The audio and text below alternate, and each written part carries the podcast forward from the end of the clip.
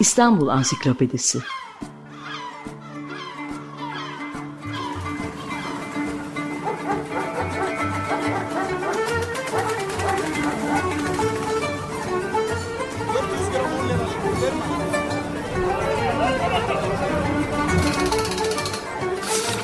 İnsanlar, olaylar, mekanlar, gelenekler ve ihtiyaçlar üzerinden şehrin tarihinden sayfalar.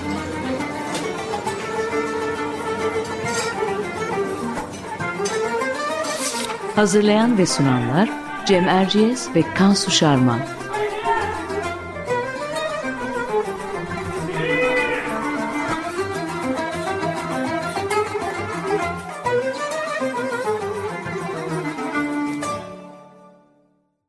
Merhabalar, Cem Erciyes ben.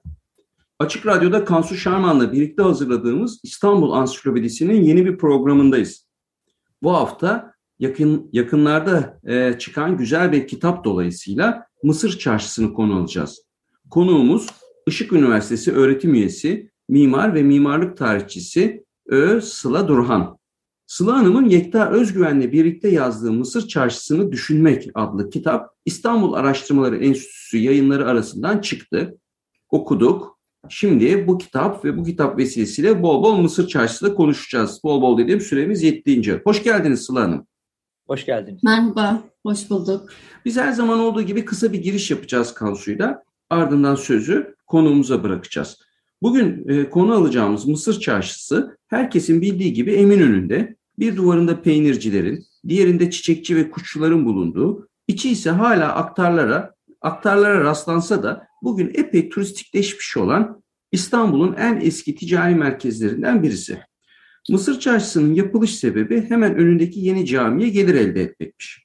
1964'te, 1900 değil affedersiniz, 1664'te yeni cami ile birlikte açıldığı kabul ediliyor. Mimarının ise Mustafa Ağa olduğu söylenebilir. Hatice Turhan Valide Sultan tarafından yaptırılmış. Nitekim 18. yüzyıla kadar Valide Çarşısı ya da Yeni Çarşı olarak bilinirmiş. Daha sonra adı içinde satılan baharatların ve hasırların geldiği yerden dolayı Mısır Çarşısı olmuş. Peki burada neler satılıyormuş? Buradan itibaren de sözü Kansu'ya bırakmak istiyorum. Evet Cem, e, senin de söylediğin gibi eskiden önemli bir yer örtüsü olan hasırlar e, burada satılan ürünlerden biri gerçekten. E, kaynaklardan öğreniyoruz ki çarşının önemli bir kısmı e, bir dönem e, ketenci esnafına aitmiş. Sonrasında e, yorgancılar da buradaymış. E, hiçbir zaman tamamen aktarlara ait olmamış bu çarşı aslında. E, ama tabii ona karakterini veren eski seyyahların kapıdan girer girmez e, insanı sarhoş ettiğini yazdıkları o kokuların kaynağı olan baharatlar e, ve onları satan aktarlar olmuş. Hindistan'dan getirilen karabiber, tarçın, zencefil gibi egzotik baharatlar, e, hekimlerin ilaç yapımında kullanıldığı, kullandığı otlar, e, yaygın olarak tüketilen şeker, kahve, kına gibi malzemeler, basur hapı, öksürük hapı, pehlivan yakısı gibi e, geleneksel yöntemlerle hazırlanmış ilaçlar, hatta e, yılan gömleği, misk, zırnık, maydanoz tohumu gibi büyü bozduğuna inanılan malzemeler e, Mısır çarşısı esnafının en çok sattığı ürünler olarak görünüyor. Şimdi ben burada sözü e, keseyim ve konuğumuza dönelim. E, hocam şöyle başlayalım istiyoruz. Mısır çarşısının bir parçası olduğu yeni cami e, Osmanlı'nın e, yapımı en uzun süren camilerinden biri olarak bilinir.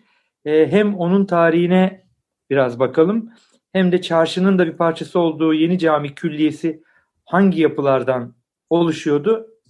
Oradan da devam edelim. Yeni Cami Külliyesi'nin yapımı aslında iki aşamalı bir süreci içeriyor.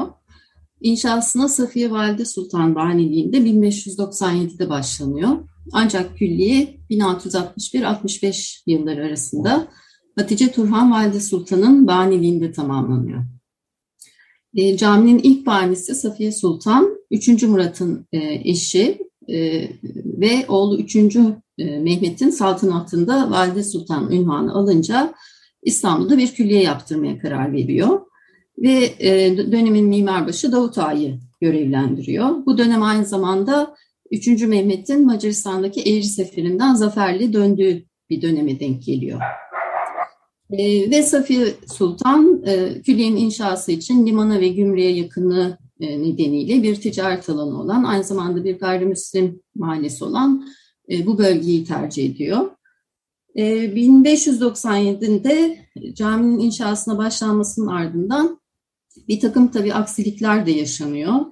Mimar Davut Ağa'nın ölmesiyle Dalgıç Ahmet Ağa Camii'nin inşasına devam ediyor. Daha sonra 3. Mehmet'in 1603'te ölümüyle Sultan 1. Ahmet tahta çıkıyor ve Safiye Sultan'ın validelik dönemi sona eriyor. E, ve yeni caminin inşaatı yarım kalıyor. E, Safiye Sultan da e, vakf, vakfedebileceği yeni bir yapı arayışına girerek Darüssaade Ağası Osman Ağa'nın Kahire'deki e, Kahire'de başlattığı camiyi de, e, devralarak Melike Safiye Sultan adıyla tamamlatıyor. E, ve Safiye Sultan'ın da 1605'te ölümüyle kendi halinde e, bırakılan bu külliye e, arsası üzerinde yeniden bir Yahudi mahallesi kuruluyor. Ve yarım yüzyıl, yüzyılı aşan bir süreçte e, cami terk edilmiş durumda kalıyor. 1660'a gelindiğinde de e, bu bölgede bir yangın çıkıyor. Yangın sonrasında çevrede incelemelerde bulunduğu sırada caminin terk edilmiş inşaatını gören 4. Mehmet'in annesi Hatice Turhan Valide Sultan camiyi tamamlatmaya ve bu yangın yerini ıslah etmeye karar veriyor. Böylece yeni bir kadın baninin e, dönemi karşımıza çıkıyor. E, ve 1661'de e, Mimarbaşı Mustafa Ağa'nın görevlendirilmesiyle inşasına başlanıyor. ve, ve 1664'te tamamlanıp açılışı da 1665'te gerçekleşiyor.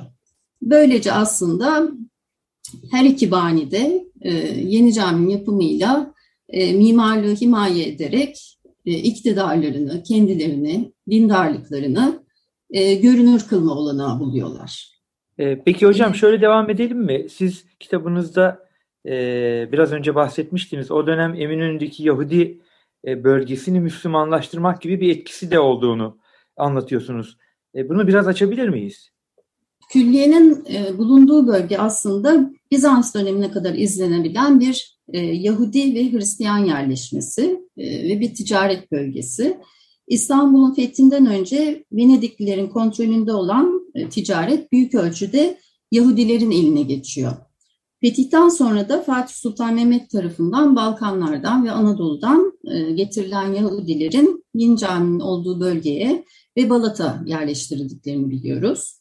E, yeni caminin inşa edildiği bu bölge özellikle Edirne ve Selanik'ten gelen Karay Yahudilerinin yoğun olarak yerleşik bulunması nedeniyle Edirneli Yahudiler Mahallesi adını taşıyor.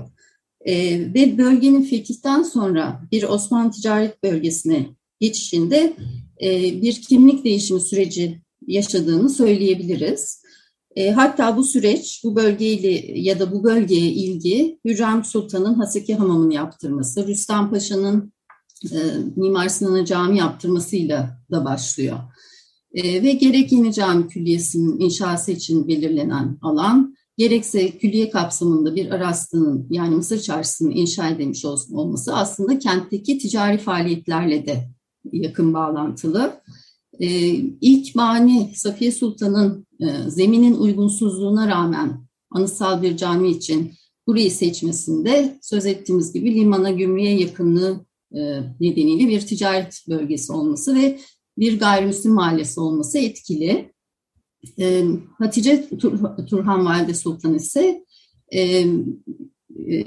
1659'daki depremden zarar gören Cerrah Mehmet Paşa Camii yerine yarım kalan yeni camiyi yeniden inşa etme kararı alıyor ki bu kararda da yine caminin bir Yahudi mahallesinde olmasını e, olmasının etkili olduğunu söylemek mümkün. E, ve her iki bani döneminde de Yahudi cemaatin elindeki mülkler istimlak ediliyor. E, bununla birlikte bu bölgedeki Yahudi mahallesinde Yahudi hekimler de yerleşik. Özellikle Mısır Çarşısı'nın bu çevrede toplanan Yahudi hekimlerle rekabet edilmesi amacıyla da inşa edildiği düşünülebilir. Ee, örneğin Mısır Çarşısı'nda faaliyet gösteren aktarlar sayesinde Yahudi e, hekimlerin yüksek fiyatla ilaç hazırlamasına engel olunmuş. e, ilaçlara fiyat sınırlaması da konmuş. E, dolayısıyla çarşı sadece ekonomik açıdan verimli bir kaynak olmakla kalmayıp çarşıya yakın gümrük eminliğinin kazandırıldıklarının gayrimüslim tüccardan üstünde de bir araç olarak kullanılmış gözüküyor. Evet aslında çok e, milletli bir yapı ama buna rağmen yine de e, Yahudilerle ilgili e, bir tedbir, onların yaşam alanını biraz daraltmak ve merkezi biraz daha Müslümanlaştırmak 17. yüzyılda da e, hakikaten gündemdeymiş. Peki Mısır çarşısındaki hayata gelelim. Çarşının kapısından bir içeri girelim. 1664'te e, çarşı açıldıktan sonra burada nasıl bir hayat var? E, esnafı e, kim, müşterisi kimler, kaç dükkan var, bu dükkanların şekli, kullanımı nasılmış? Bize bunlarla ilgili neler anlatabilirsiniz Sıla Hanım? Ee, öncelikle Mısır Çarşısı bir aktarlar çarşısı olarak inşa ediliyor. Ee, aktarlar baharat ve güzel kokuları, her türlü şifalı e, bitkiyi ve bitkilerden elde edilen ilaçları satıyor önceleri. E, çarşının inşa edildiği 17. yüzyılda e, Osmanlı Devleti'nde henüz eczane mevcut değil ve 19. yüzyıl öncesinde de eczacılık henüz bir meslek olarak gelişmemiş durumda. Dolayısıyla ilaç hazırlamakta kullanılan droplarsa e, aktarlar tarafından satılıyor. 18. E, yüzyılın ikinci yarısında İngiliz e, botanik profesörü e, John Sipthorpe Mısır çarşısını ziyaret ederek şifalı bitkilerin Latince adlarını ve yerli kullanışlarını kaydediyor. Bununla birlikte İstanbul'a gelen keten ve kınanın sadece Mısır çarşısında satılacağına ilişkin fermanlar mevcut. Ayrıca esnafın çiğ kahve, şeker, kalayı e, ithalatçılardan alıp diğer esnafa satma hakları da var. 18. E, yüzyıl sonunda ise e, Mısır çarşısı e, içindeki dükkanların sayısının, aktarların sayısının diğer dükkanlardan daha fazla olduğunu söyleyebiliriz. Ancak yanlış ilaç uygulamaları sonucunda ölüm vakalarının artmasıyla birlikte 19. yüzyılda Osmanlı hükümeti ilaç satışını düzenlemek, diploması olmayan kişilerin ilaç satışını önlemek için e, nizamnameler çıkarmaya başlıyor ve bu yasal düzenlemelerle birlikte e, aktar ve eczacı e, ayrımının oluştuğunu görüyoruz. E, hatta Mısır çarşısında satın alınan maddelerin neden olduğu bazı zehirlenme vakaları bile görülüyor. Dolayısıyla e, Mısır çarşısındaki bitki ve baharat satışı e, 19. yüzyıl e, sonlarından itibaren azalmaya başlıyor. 19. Ee, yüzyılda çarşıda e, dükkanların keten ve pamukçular ile aktarlar olarak ikiye ayrıldığını görüyoruz. Çarşının uzun kolu e, pamukçu ve pamukçu yorgancı ketencileri, kısa kolu ise aktarlara tahsis ediliyor. Bunun dışında e, işte pirinç, mercimek, şeker, kahveci esnafı da yer alıyor. Dükkanlardan söz etmek gerekirse çarşıdaki dükkanlar 1940'lara dek günümüzdekinden farklı olarak iki bölümden oluşuyor.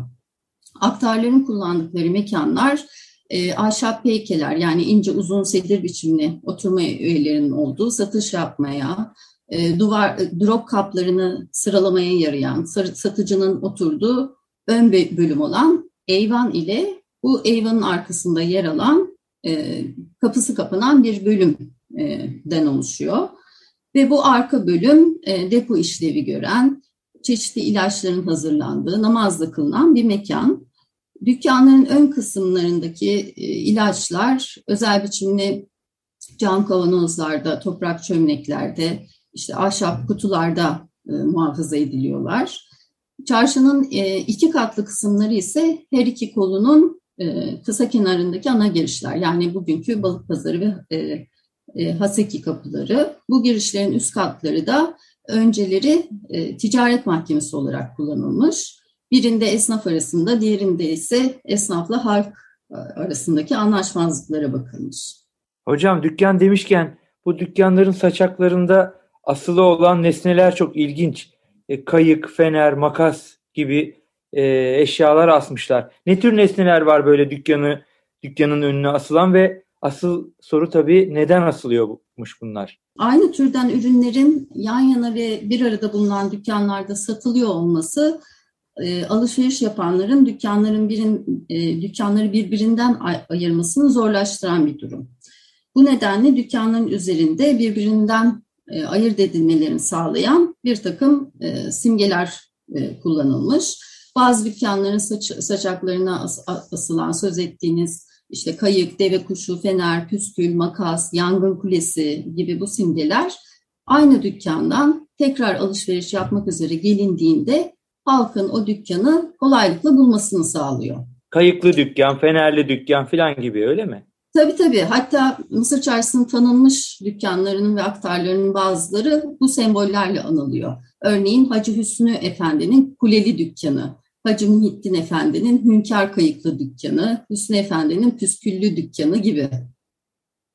Peki bir de çarşının ilginç detaylarından biri arasında e, detaylarından biri ezan köşkü. E, bu köşk ne işe yarıyor ve neden iki tane yapılmış? Aslında biri daha sonra kaldırılmış ve yakın zamanda yeniden yapılmış. E, evet, Mısır Çarşısı'nın en özgün detaylarından birisi ezan köşkü.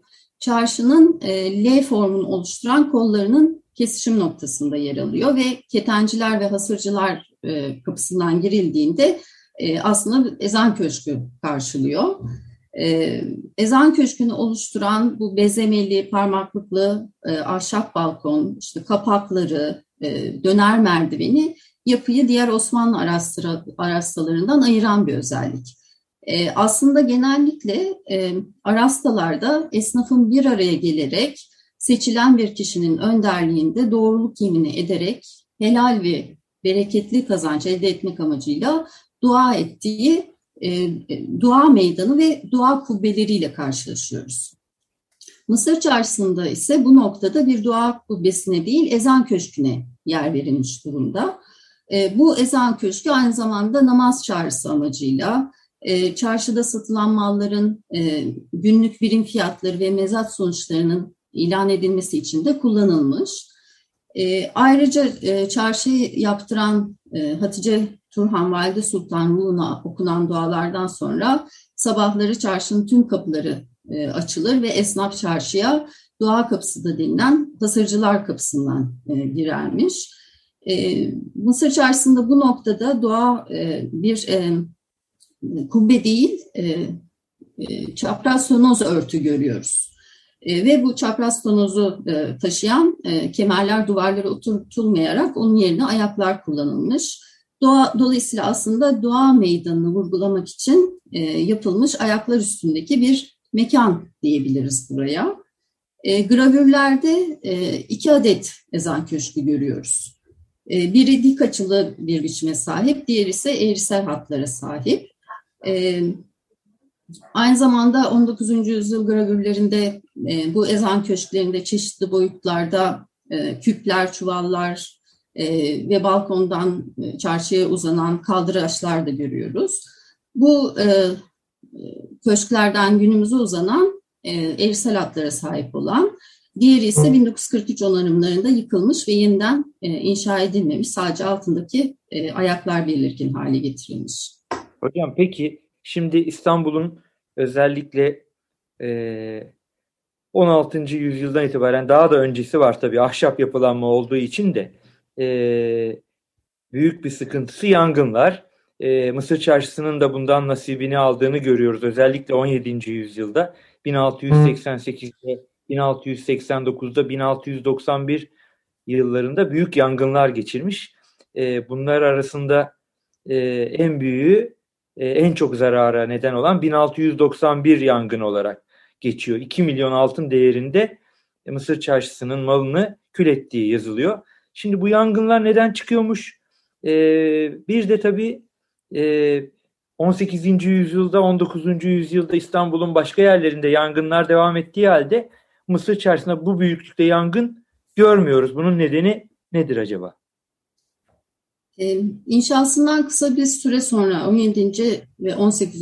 E, yüzyılda gerçekleştirilmiş gerçekleşmiş yangınlar aslında Mısır çarşısını doğrudan ve kısmen elbette etkiliyor. 1668'de e, bir yangın olduğunu biliyoruz. Bu yangın balık pazarı kapısı dışında bir meyhaneden başlıyor. ve Mısır çarşısına sıçrıyor ve özellikle cephesine büyük zarar veriyor. 1689'daki yangın ise e, çok daha fazla e, harabiyeti neden oluyor ve dükkanlar ve içerisindeki mallarla birlikte yanıyor. 1691'de de bir yangın var. E, o da çarşıdaki bir dükkandan başlayarak yayılıyor. Yine çarşıyı büyük oranda etkiliyor. Bu yangınla ilgili şöyle bir detay var. Geceleri çarşıda kalan bekçiler yangının başladığını görerek söndürmeye çalışıyorlar. Ancak başarılı olamayınca yardım istiyorlar ve yardım edenler dükkanlardaki güğümleri alevlerin üstüne boşaltıyor ve güğümlerin içerisindeki işte neft yağı nedeniyle e, yangın hızla daha da felaket oluyor. Evet. Dolayısıyla sorun aslında yangınların kontrol edilememesinden kaynaklanıyor. E, bu yangınlar e, bu dönemlerin yangın söndürme pratiklerini ve tabii ki bilincini e, gözler önüne, önüne seriyor. Evet, yani e, bu çarşı tabii çok çeşitli dönemler geçirmiş. E, ben hızlıca zıplayıp 20. yüzyıla gelmek istiyorum. Yani 1943'te e, yaptırılan tadilat çarşının tarihinde epey önemli. Aslında bugünkü halini de demin siz çok güzel anlattınız. Eskiden önünde peykelerde e, şeylerin esnafın oturduğu arkasında ikinci bir bölüm olan e, yerlermiş bu dükkanlar. Ama şimdi her bir gözde e, bugünkü anlamda vitrini filan olan dükkanlarla biz karşı karşıyayız. İşte bugünkü şeklini de aldığı yıl e, dönem 1940'lardan sonrası. Bu büyük tadilattan biraz bahseder misiniz? Buna neden ihtiyaç e, duyulmuş ve e, ne tür düzenlemeler yapılmış 1943'te? Bu söz ettiğimiz onarımlar 1942-43 yıllarını kapsıyor. E, ve e, çarşının onarım, onarımı sonrası açılışı da e, 1943 yılında gerçekleşiyor. E, ne yazık ki bu onarımlar e, sırasında özgün halini ve mimari karakteristiklerini büyük oranda çarşı kaybediyor. E, bu onarımlar sırasında e, demin söz ettiğimiz e, Eyvanları arkada, arkadaki depolara bağlayan kapıların bulunduğu duvarlar yıkılıyor. Her iki mekan birleştiriyor, bir, birleştiriliyor. Ve her evin ön kısmında yer alan kemerlerin altına e, camların eklenmesiyle de dükkan e, vitrinleri oluşturuluyor sizin de belirttiğiniz gibi. E, bununla birlikte tonozlardaki kalem işi vezemelerin e, e, yine e, bu dönemde e, ortadan kaldırıldığını görüyoruz. E, aslında e, bu onarımın e, sebebine gelirsek, e, Eminönü Meydanı'na ve e, dolayısıyla Mısır Çarşısı ve yakın çevresine ilişkin düzenlemeler e, Prost'un, Henry Prost'un İstanbul imarına ilişkin çalışmalarda önemli bir yer tutuyor.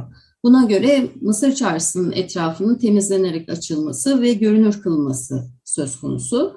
Ayrıca bu düzenlemeler e, Eminönü'nde bulunan balık pazarının kaldırılması ve bu alanda birçok yol güzergahının e, açılması e, ve istimlaklar olduğu kadar Mısır Çarşısı'nın onarılmasını da içeriyor. E, Eminönü'nün imarıyla bağlantılı olarak da 1938'de İstanbul e, Belediyesi tarafından e, Mısır Çarşısı'nın etrafındaki istimlaklar başlanıyor. Ve aynı zamanda eş zamanlı olarak Cemil Topuzlu'nun 1938'de e, gündeme getirdiği Mısır Çarşısı'nın hal olarak kullanılması fikri 39'da belediye tarafından benimseniyor. E, ve yardımcı bir hale dönüştürülmesi çalışmaları hem e, şehri e, imar etmek hem de bir gelir kaynağı bulmak yolundaki hamlelerin arasında. E, ba, aslında balık pazarının e, yıkılarak kaldırılacak olmasıyla ilişkili bu meseleler. E, çünkü balık pazarının hemen yanındaki ve o dönem e, kısmen metruk olan Mısır Çarşısı bir fırsat olarak değerlendiriyor, değerlendiriliyor. E, bununla birlikte belediye onarım sonrasında e, çarşıdaki dükkanları kiraya vermeyi amaçlıyor.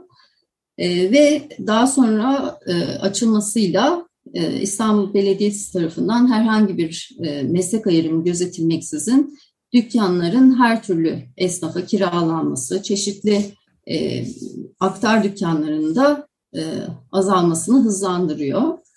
E, sonuç olarak aslında Mısır Çarşısı'nın onarımı e, Lütfi Kırdar'ın kentin imarına ilişkin gerçekleştirdiği büyük ölçekli işler arasında da e, yer bulan bir e, mesele oluyor. Evet. Hocam süremizin e, sonuna geldik. Hakikaten daha konuşacak çok şey var. Ancak 1950'lere kadar gelebildik. Çünkü Mısır çarşısı yaşamaya devam ediyor. E, bugünkü halini 1940'larda sizin söylediğiniz, anlattığınız şekilde alıyor görünüm olarak ama e, işte içinde yine aktarlar var. Bir dönem beyaz eşya satıcıları olmuş. Bir başka dönem kıyafetler satılmış. ülkenin yani İstanbul'un değişimine paralel 50'ler, 60'lar, 70'ler, 80'lerde Mısır çarşısı da çeşitli değişimler geçirmiş. Ama bugün hala o 1664'ten sonra açıldığı yıllardaki ruhunu da koruyan bir yapısı var. Yine aktarlar ağırlıkta. Kansu'nun bahsettiği gibi içeriye girdiğiniz zaman burnunuzu e, yine bir baharat kokusu e, sarıyor. Sizi etkileyen bir baharat kokusu var. Hemen arkasında ta ilk yapıldığı zamanlar sizin kitabınızdan öğrendiğimiz gibi işte e, nasıl bir şey yapılmışsa bir kahve değirmeni yapılmışsa hemen arkasında kahveciler var. Kahveleri, kahve satıyorlar. E, ve bunlar yani yüzlerce yıldır e, devam eden İstanbul'un ticari hayatına dair, gündelik hayatına dair gelenekler. E, çok teşekkür ediyoruz bize verdiğiniz bilgiler için. Bugün e, Sıla Durhan'la birlikteydik. E, kendisinin e, Mısır Çarşısı'nı düşünmek kitabından yola çıkarak bu e, çarşıyı konuştuk. Dinleyicilerimize de teşekkür ediyoruz. Konuğumuza da teşekkür ediyoruz. Herkese iyi günler diliyoruz. Ben de teşekkür ederim. Çok sağ olun. Çok teşekkür ederiz. Hoşçakalın. Hoşçakalın.